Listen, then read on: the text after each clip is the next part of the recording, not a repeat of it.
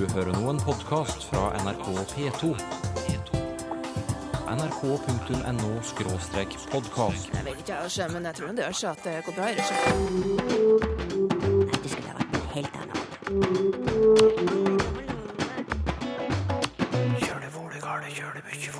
annet.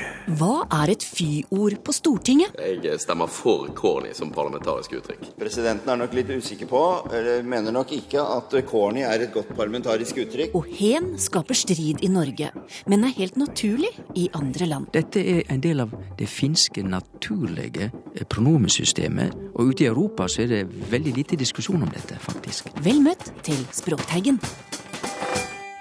Hvilken språkbruk kan en politiker tillate seg på Stortingets talerstol? Eller sagt på en annen måte, hva er uparlamentarisk språk?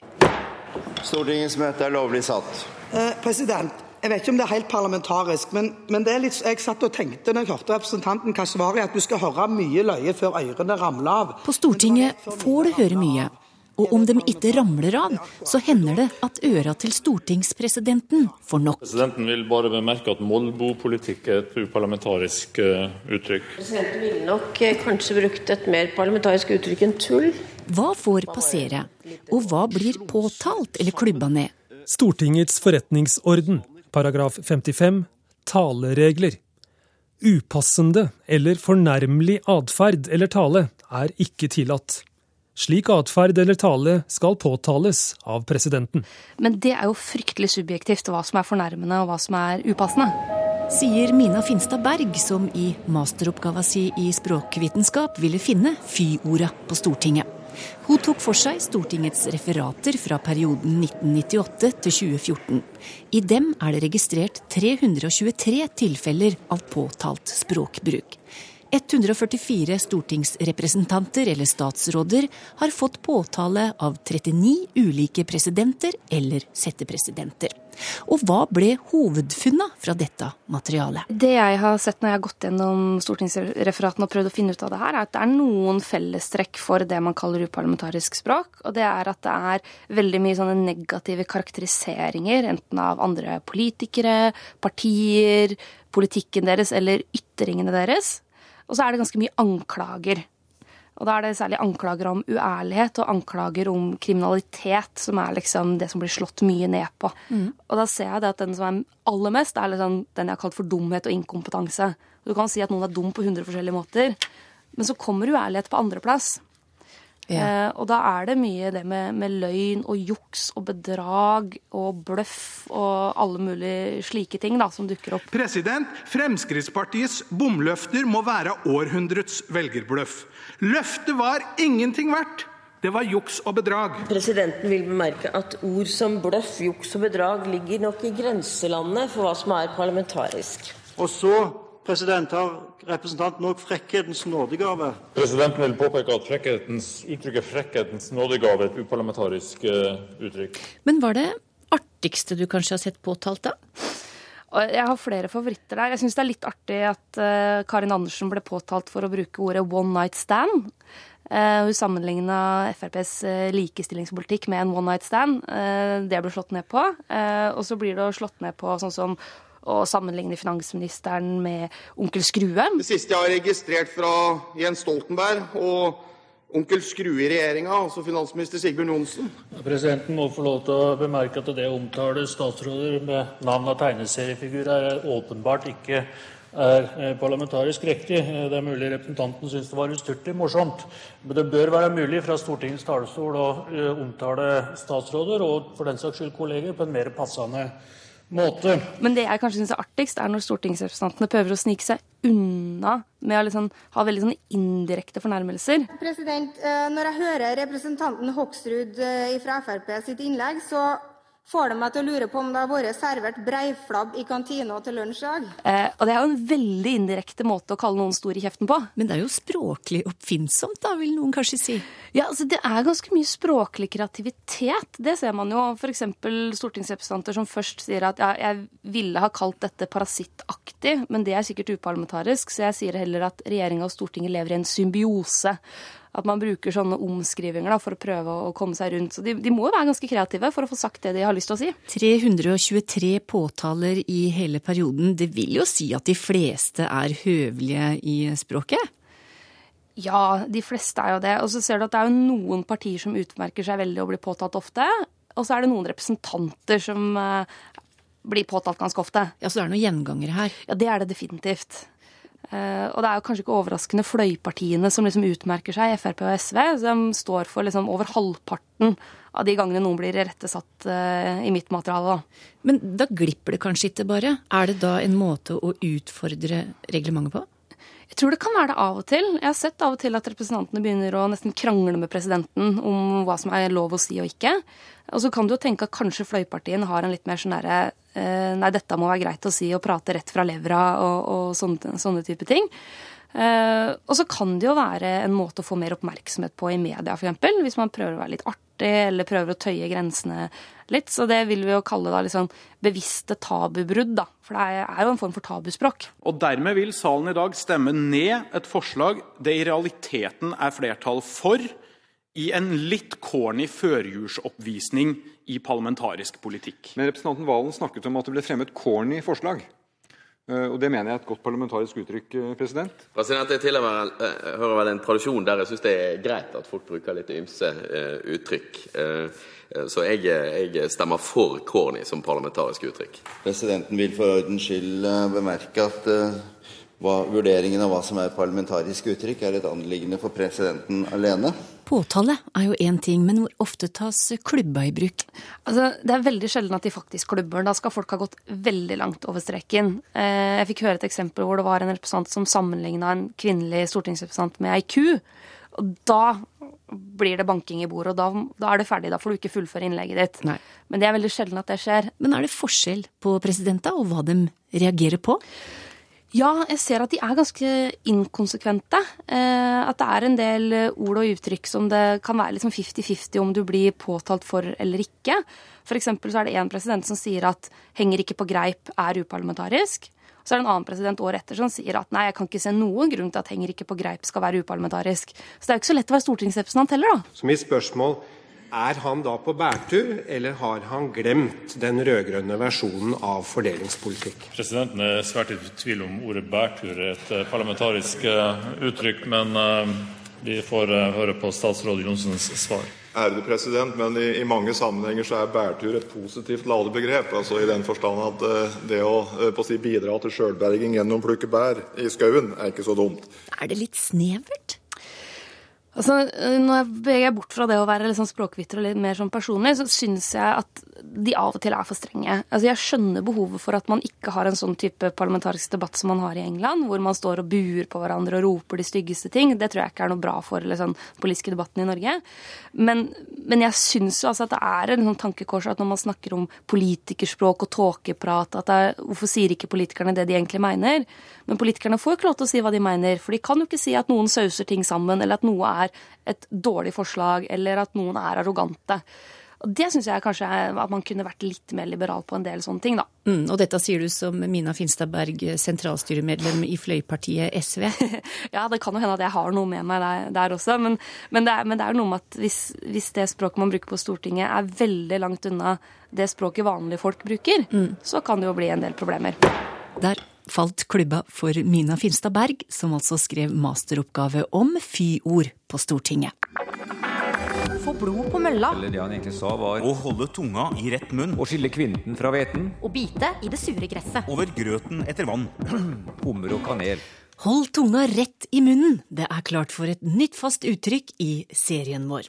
Og i dag tar lingvist Georg Kjøll for seg dette uttrykket. Følge noen med argusøyne. Dette uttrykket kommer fra gresk eh, mytologi. Eh, og det er et spesifikt eh, Argos som er utgangspunktet for dette uttrykket. Og Argos var da en karakter som, som hadde et ekstremt godt blikk. Å følge noen med argusøyne blir da det å være veldig påpasselig med hva folk driver med. Og overvåke aktivitetene deres. Så hvis du følger noen med argusøyne i dag, så, så titter du dem over skulderen og, og sjekker nøye hva de, hva de driver med. Hva er det som gjør dette uttrykket så vanskelig? Det er jo også et eh, uttrykk som er litt lite gjennomsiktig for de som ikke har lest uh, gammel gresk litteratur og kjenner til mytologien. Hvis man ikke vet at Argus kommer fra Argos og at dette sangmonsteret hadde de og de egenskapene, så er det umulig å vite hva uttrykket betyr uten å kjenne, uten å kjenne sammen, sammenhengen. For ganske mange, altså? Ja, det vil jeg tro. Eh, det er, det er jo veldig mange uttrykk på, på, norsk i dag som har eh, biter av gresk eh, mytologi i seg. Vi snakker om akilleshæl, f.eks., etter mm. sagnhelten Akilles. Vi snakker om et Sisyfos-arbeid som noe som, er, noe som er et nyttesløst arbeid.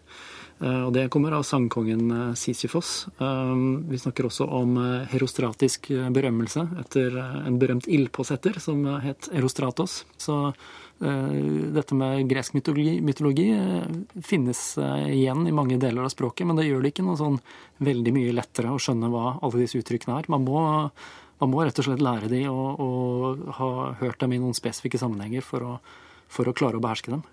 Hva er den vanligste feilen vi gjør med dette uttrykket, da? Den varianten jeg har funnet av dette, det er bare én variant, men den er ganske vanlig. Det er å følge noen med angusøyne isteden. Eh, og angus eh, er jo ikke noe sånn veldig vanlig ord det heller på norsk, men det har, eh, det har blitt mer og mer vanlig de siste årene pga. storferasen Aberdeen Angus, som er veldig god å bruke i f.eks. hamburgere. Så hvis du har en restaurantkjede så, som skal skryte av sine ekstremt gode hamburgere, så snakker de ofte om at de har Angus beef burgers. Eh, og det har satt seg såpass at folk, eh, folk blander det inn i det uttrykket her og snakker om å følge noen med Angus-øyne isteden. Og med det så har vi jo eh, flytta oss til et, et dyr som ikke ser spesielt godt, nemlig kua. Så, så det å følge noen med Angus-øyne, det det får en helt annen eh, betydning. Altså En ku har et veldig bredt synsfelt, men den har også veldig eh, slappe øyemuskler, så den, så den, sliter med å fokusere. og Den klarer ikke å skille hele fargespekteret fra hverandre like godt som, eh, som eh, menneskeøyne gjør, eller som sagnmonstre gjorde. Så, så det får en litt annen betydning. Hvorfor har du tatt med dette uttrykket i serien vår? Det er, det er ikke så mange varianter av det. Som, uh, det er ikke så mange muligheter å rote det til. Det er ikke så mange uttrykk som, som man kan blande med det. Men uh, det blir en representant for den gruppen med, med, uttrykk som har en opprinnelse som de aller fleste ikke kjenner til, og går tilbake i tid. Uh, eller har stor avstand i tid til oss. Så hvis man spør folk hva Angus, uh, argusøyne betyr, så, så, ender man uh, gjerne opp med å uh, ikke få noe svar, eller, eller hva opprinnelsen til uttrykket er, så ender man gjerne opp med å ikke få noe svar, eller, eller gjetninger som ikke har så mye med, med saken å gjøre. Det sa lingvist Georg Kjøll, som kommer tilbake med flere uttrykk til Språkteigen.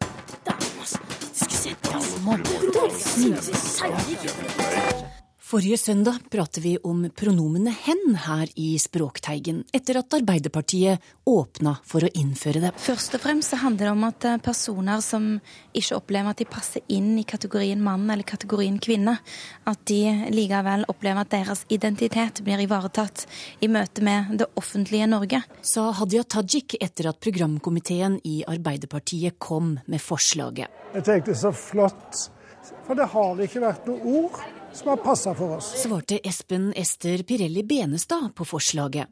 Men pronomene er omstridt, og Knut Arild Hareide i Kristelig Folkeparti sier nei takk. De to kjønnskategoriene kvinne og mann er grunnleggende for vårt samfunn og for familiene, og det mener vi at vi skal holde fast på.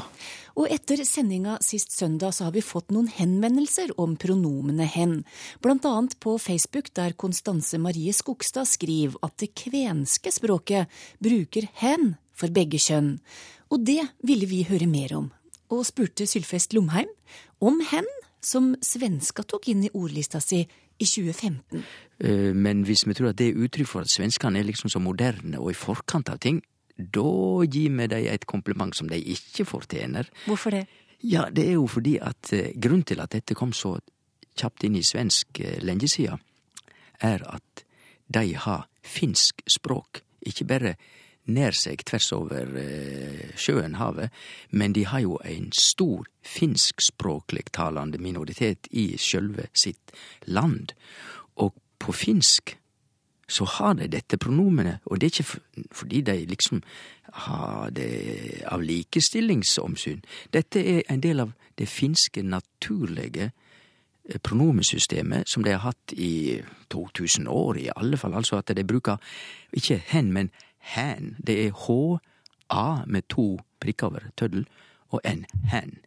Det er opphavet for den svenske hen-bruken, sjølsagt, og den er kommet hit. Og ute i Europa så er det veldig lite diskusjon om dette, faktisk.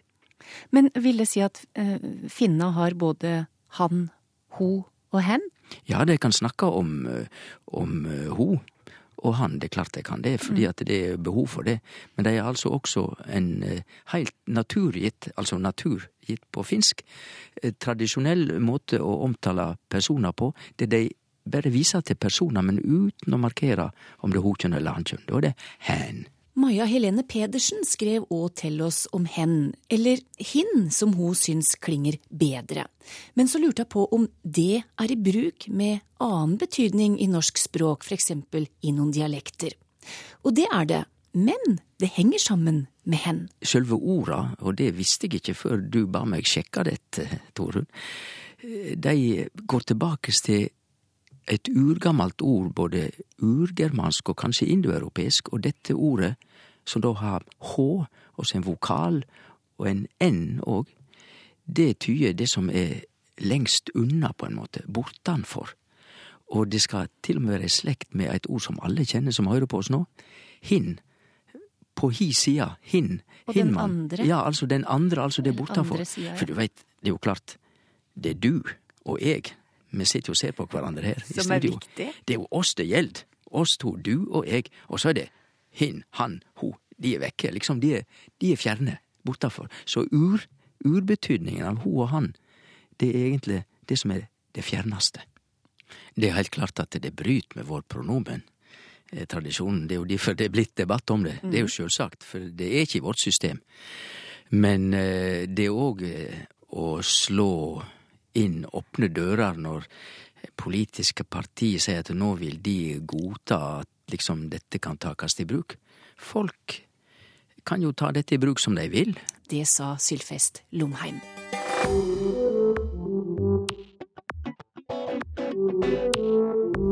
Gubba noa, det er et uttrykk mange kjenner til. Men hvor kommer det fra, spør Ole Bertil T. Tingvoll fra Stord. Det er jo et kraftuttrykk, sier han, som gjerne brukes i forbindelse med overraskelse eller en følelse av å være oppgitt. Men Toril Oppsal, kan du hjelpe ham med å finne ut hvor dette kommer fra? Jeg kan jo fortelle Ole Berting Tingvold at dette her også er i bruk i Groruddalen, hvor jeg kommer fra. Så, så dette er nok et veletablert kraftuttrykk. Er det det samme uttrykket som vi har i sangen? Det er nok der nøkkelen ligger, skjønner du. Ah. Eh, For hvis vi slår opp i første Mosebok, niende kapittel, så møter vi Noah. Det er han som begynner å dyrke jorden og planter en vinmark. Og han drikker av vinen, og han blir full. Og han kledde av seg inne i teltet sitt, som det står. Dette er nok noe ja, Det er litt skambelagt. Og på hvis ikke jeg husker helt gærent nå, så var det 1760-tallet, så finner vi Carl Michael Bellman. Han skriver en sang basert på denne bibelteksten, nemlig en bibelsk parodi, Gubben Noak. Øh, Husker du den teksten, Tore? Nei. Nei. Den øh, lyder omtrent som Gubben Noak var en hedersmann. Nær han gikk ur arken, plantere han på marken. Mykket vin, ja, mykket vin, ja, dette gjorde han. Der har vi Gubben Noak. Og denne sangen vakte jo litt øh, oppstyr og forargelse. og men ble veldig, veldig populær. Og i Norge så har vi en barnesang som er basert på en veldig, veldig beslekta melodi, nemlig Gubben Noah, eller også Gubba Noah. Og han planterar inte vin på marken, men han beit seg i toa. Ja. Så dette her er en humoristisk eh, vridning, en barnesang, og dette kraftuttrykket er nok rett og slett et resultat av tittelen, eller tittelstrofen på denne sangen. Gubba Noah beit i toa. Men når det dukka opp, har ikke jeg vært i stand til å finne ut av. Jeg kjenner godt denne barnesangen, Og det gjør noen i generasjonen over meg også, så den har nok vært her en stund. Mm. Men hvorfor gubba framfor gubbe Noah? Det kan nok ha noe med uttale å gjøre. Eh, Og kanskje også fjerne det fra det religiøse, som vakte oppstyr, i hvert fall på Bellmans tid, og som enkelte gjerne vil være litt varsomme med i dag også. Og noen bruker kraftuttrykket 'gubban' uten noe. Så vi får følge med og se hvordan dette utvikler seg. Men det er et flott og kraftig uttrykk som vi bare må fortsette å bruke både på Stord og i Groruddalen. Hva betyr ordet kasko, spør May-Britt Støa.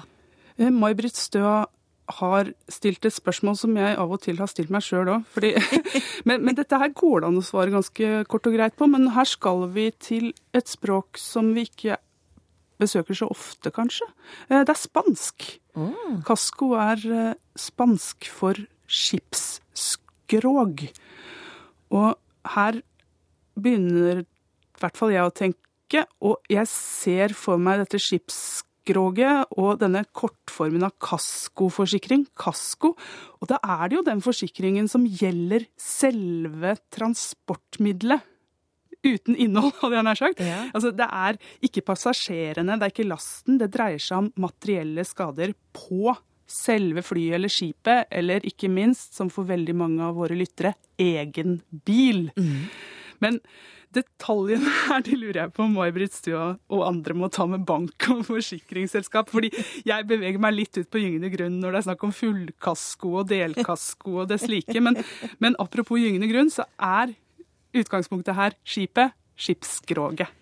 Så til en liten sak fra Twitter. Det er Tom Johansen som har henta følgende setning fra nyheter på nettet. Norge kunne da for lengst ha kuttet sine klimautslipp. Klimautslipp, skriver Tom, kan pressa finne et bedre ord. Hva sier Språkteigen? Jeg er litt usikker på hva Tom Johannessen sikter til her, men jeg antar at det er det smått absurde i at det ikke er klima som slippes ut. Det er jo klimagasser. Og der har vi jo med en gang et alternativ, nemlig klimagassutslipp. Men dette her var fra Twitter, sa du. Og klimagassutslipp er jo forferdelig langt, da. Ja, har du tatt nesten alt du ja, kan der, skrive. Der har du ikke mye plass igjen. Eh, Så det er nok mm, en av årsakene til at det ikke er bedre. Eh, Og det blir kanskje også for spesifikt, fordi det dekker over andre former for utslipp, som ikke nødvendigvis er særlig bra, de heller. Så kanskje vi skal prøve oss på kortformen utslipp. Men da går vi jo glipp av en spesifisering igjen, som antagelig er viktig, nemlig at dette her er utslipp som påvirker klimaet. Eh, og klima, det kommer fra gresk og betyr skråning eller helling, faktisk. Og dette her handler jo om hellingen på jordkloden og hvordan solstrålene kommer inn. Men jeg heller, for å velge det ordet, mot at klimautslipp nesten må få stå, fordi det blir spesifikt nok og kort nok. Og vi forstår hva det er snakk om. Men samtidig så, så syns jeg det er flott at Tom Johannessen og andre stopper opp og tenker, fordi at det er jo noe snodig her også. Jeg er helt enig. Og en annen snodig ting der, i den setningen, det er jo verbet. Kutte klimautslipp. Det blir jo også problematisk, fordi kutte kan jo bety minst to ting. Det kan jo bety å fjerne helt og totalt, og det å redusere. Og hva er det vi ønsker? Ønsker vi å redusere klimagassutslipp, eller ønsker vi å kutte det helt, i betydningen fjerne? Og er det i det hele tatt mulig? Så her, her, her har pressa en jobb, som, som Tom Johannessen eh, peker på. Fra klima til et veldig kort spørsmål. Kan Språkteigen sporenstreks forklare ordet sporenstreks, spør Vigleik Haga. Det kan vi. Eh, Det er rett og slett tysk spornstreich. Et hogg med sporene.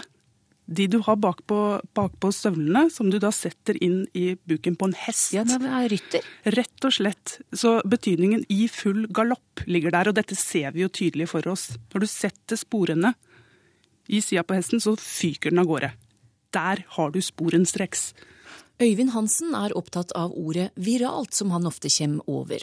Særlig syns han det blir unaturlig når det brukes i en setning som at noe går viralt. Så vidt han forstår, så er viral et adjektiv, men det blir mest brukt som adverb da det står til verbet gå. Er dette et eksempel på dårlig nyordlaging, spør han. Er dette et eksempel på dårlig nyordlaging? Skal jeg prøve, prøve det skal du svare på, vet du, ja, Toril. Eh, altså, viral betyr jo noe som har med virus å gjøre. Eh, og det brukes også i norsk om sykdommer som spres med virus. Men her har vi med en overført betydning. Ikke virusoverført, men, men mer billedlig mm. betydning. Der noe sprer seg på samme måte som et virus. Og her mener jeg at vi har et ganske godt bilde. Fordi her er det noe som spres veldig raskt og uten noen nevneverdige hindringer fra person til person gjennom sosiale medier. Det blir en ganske effektiv metafor, og det er veldig enkelt å se for seg, hvis du ser for deg nettopp denne smitten som bringes fra person til person gjennom et eksisterende nettverk av mennesker. Der har du det virale. Og fra var vel midten av 1990-tallet så snakka man også om viral markedsføring. Der reklamefolk nettopp utnytta det at man hadde noen eksisterende sosiale nettverk som man kunne bruke til å spre varekjennskap. Men det har en Ja, jeg sitter med litt vond smak i munnen her også. Og det er ikke bare fordi det handler om sykdom. Dette her er en effektiv metafor, mener jeg. Det er et godt bilde. Men denne konstruksjonen, gå viralt, oh ja. den der, ja, der lugger det litt. Eh, Dette her lukter veldig av direkte oversetterlån fra engelsk. Go viral. Og jeg er enig med Øyvind Hansen i at dette er et dårlig eh, nyord i betydningen ny konstruksjon. For her har vi jo utmerkede verb fra før. Spre, f.eks., som vi godt kunne brukt som et alternativ. Her har vi en video som spres. Det finnes sikkert flere andre uttrykk også.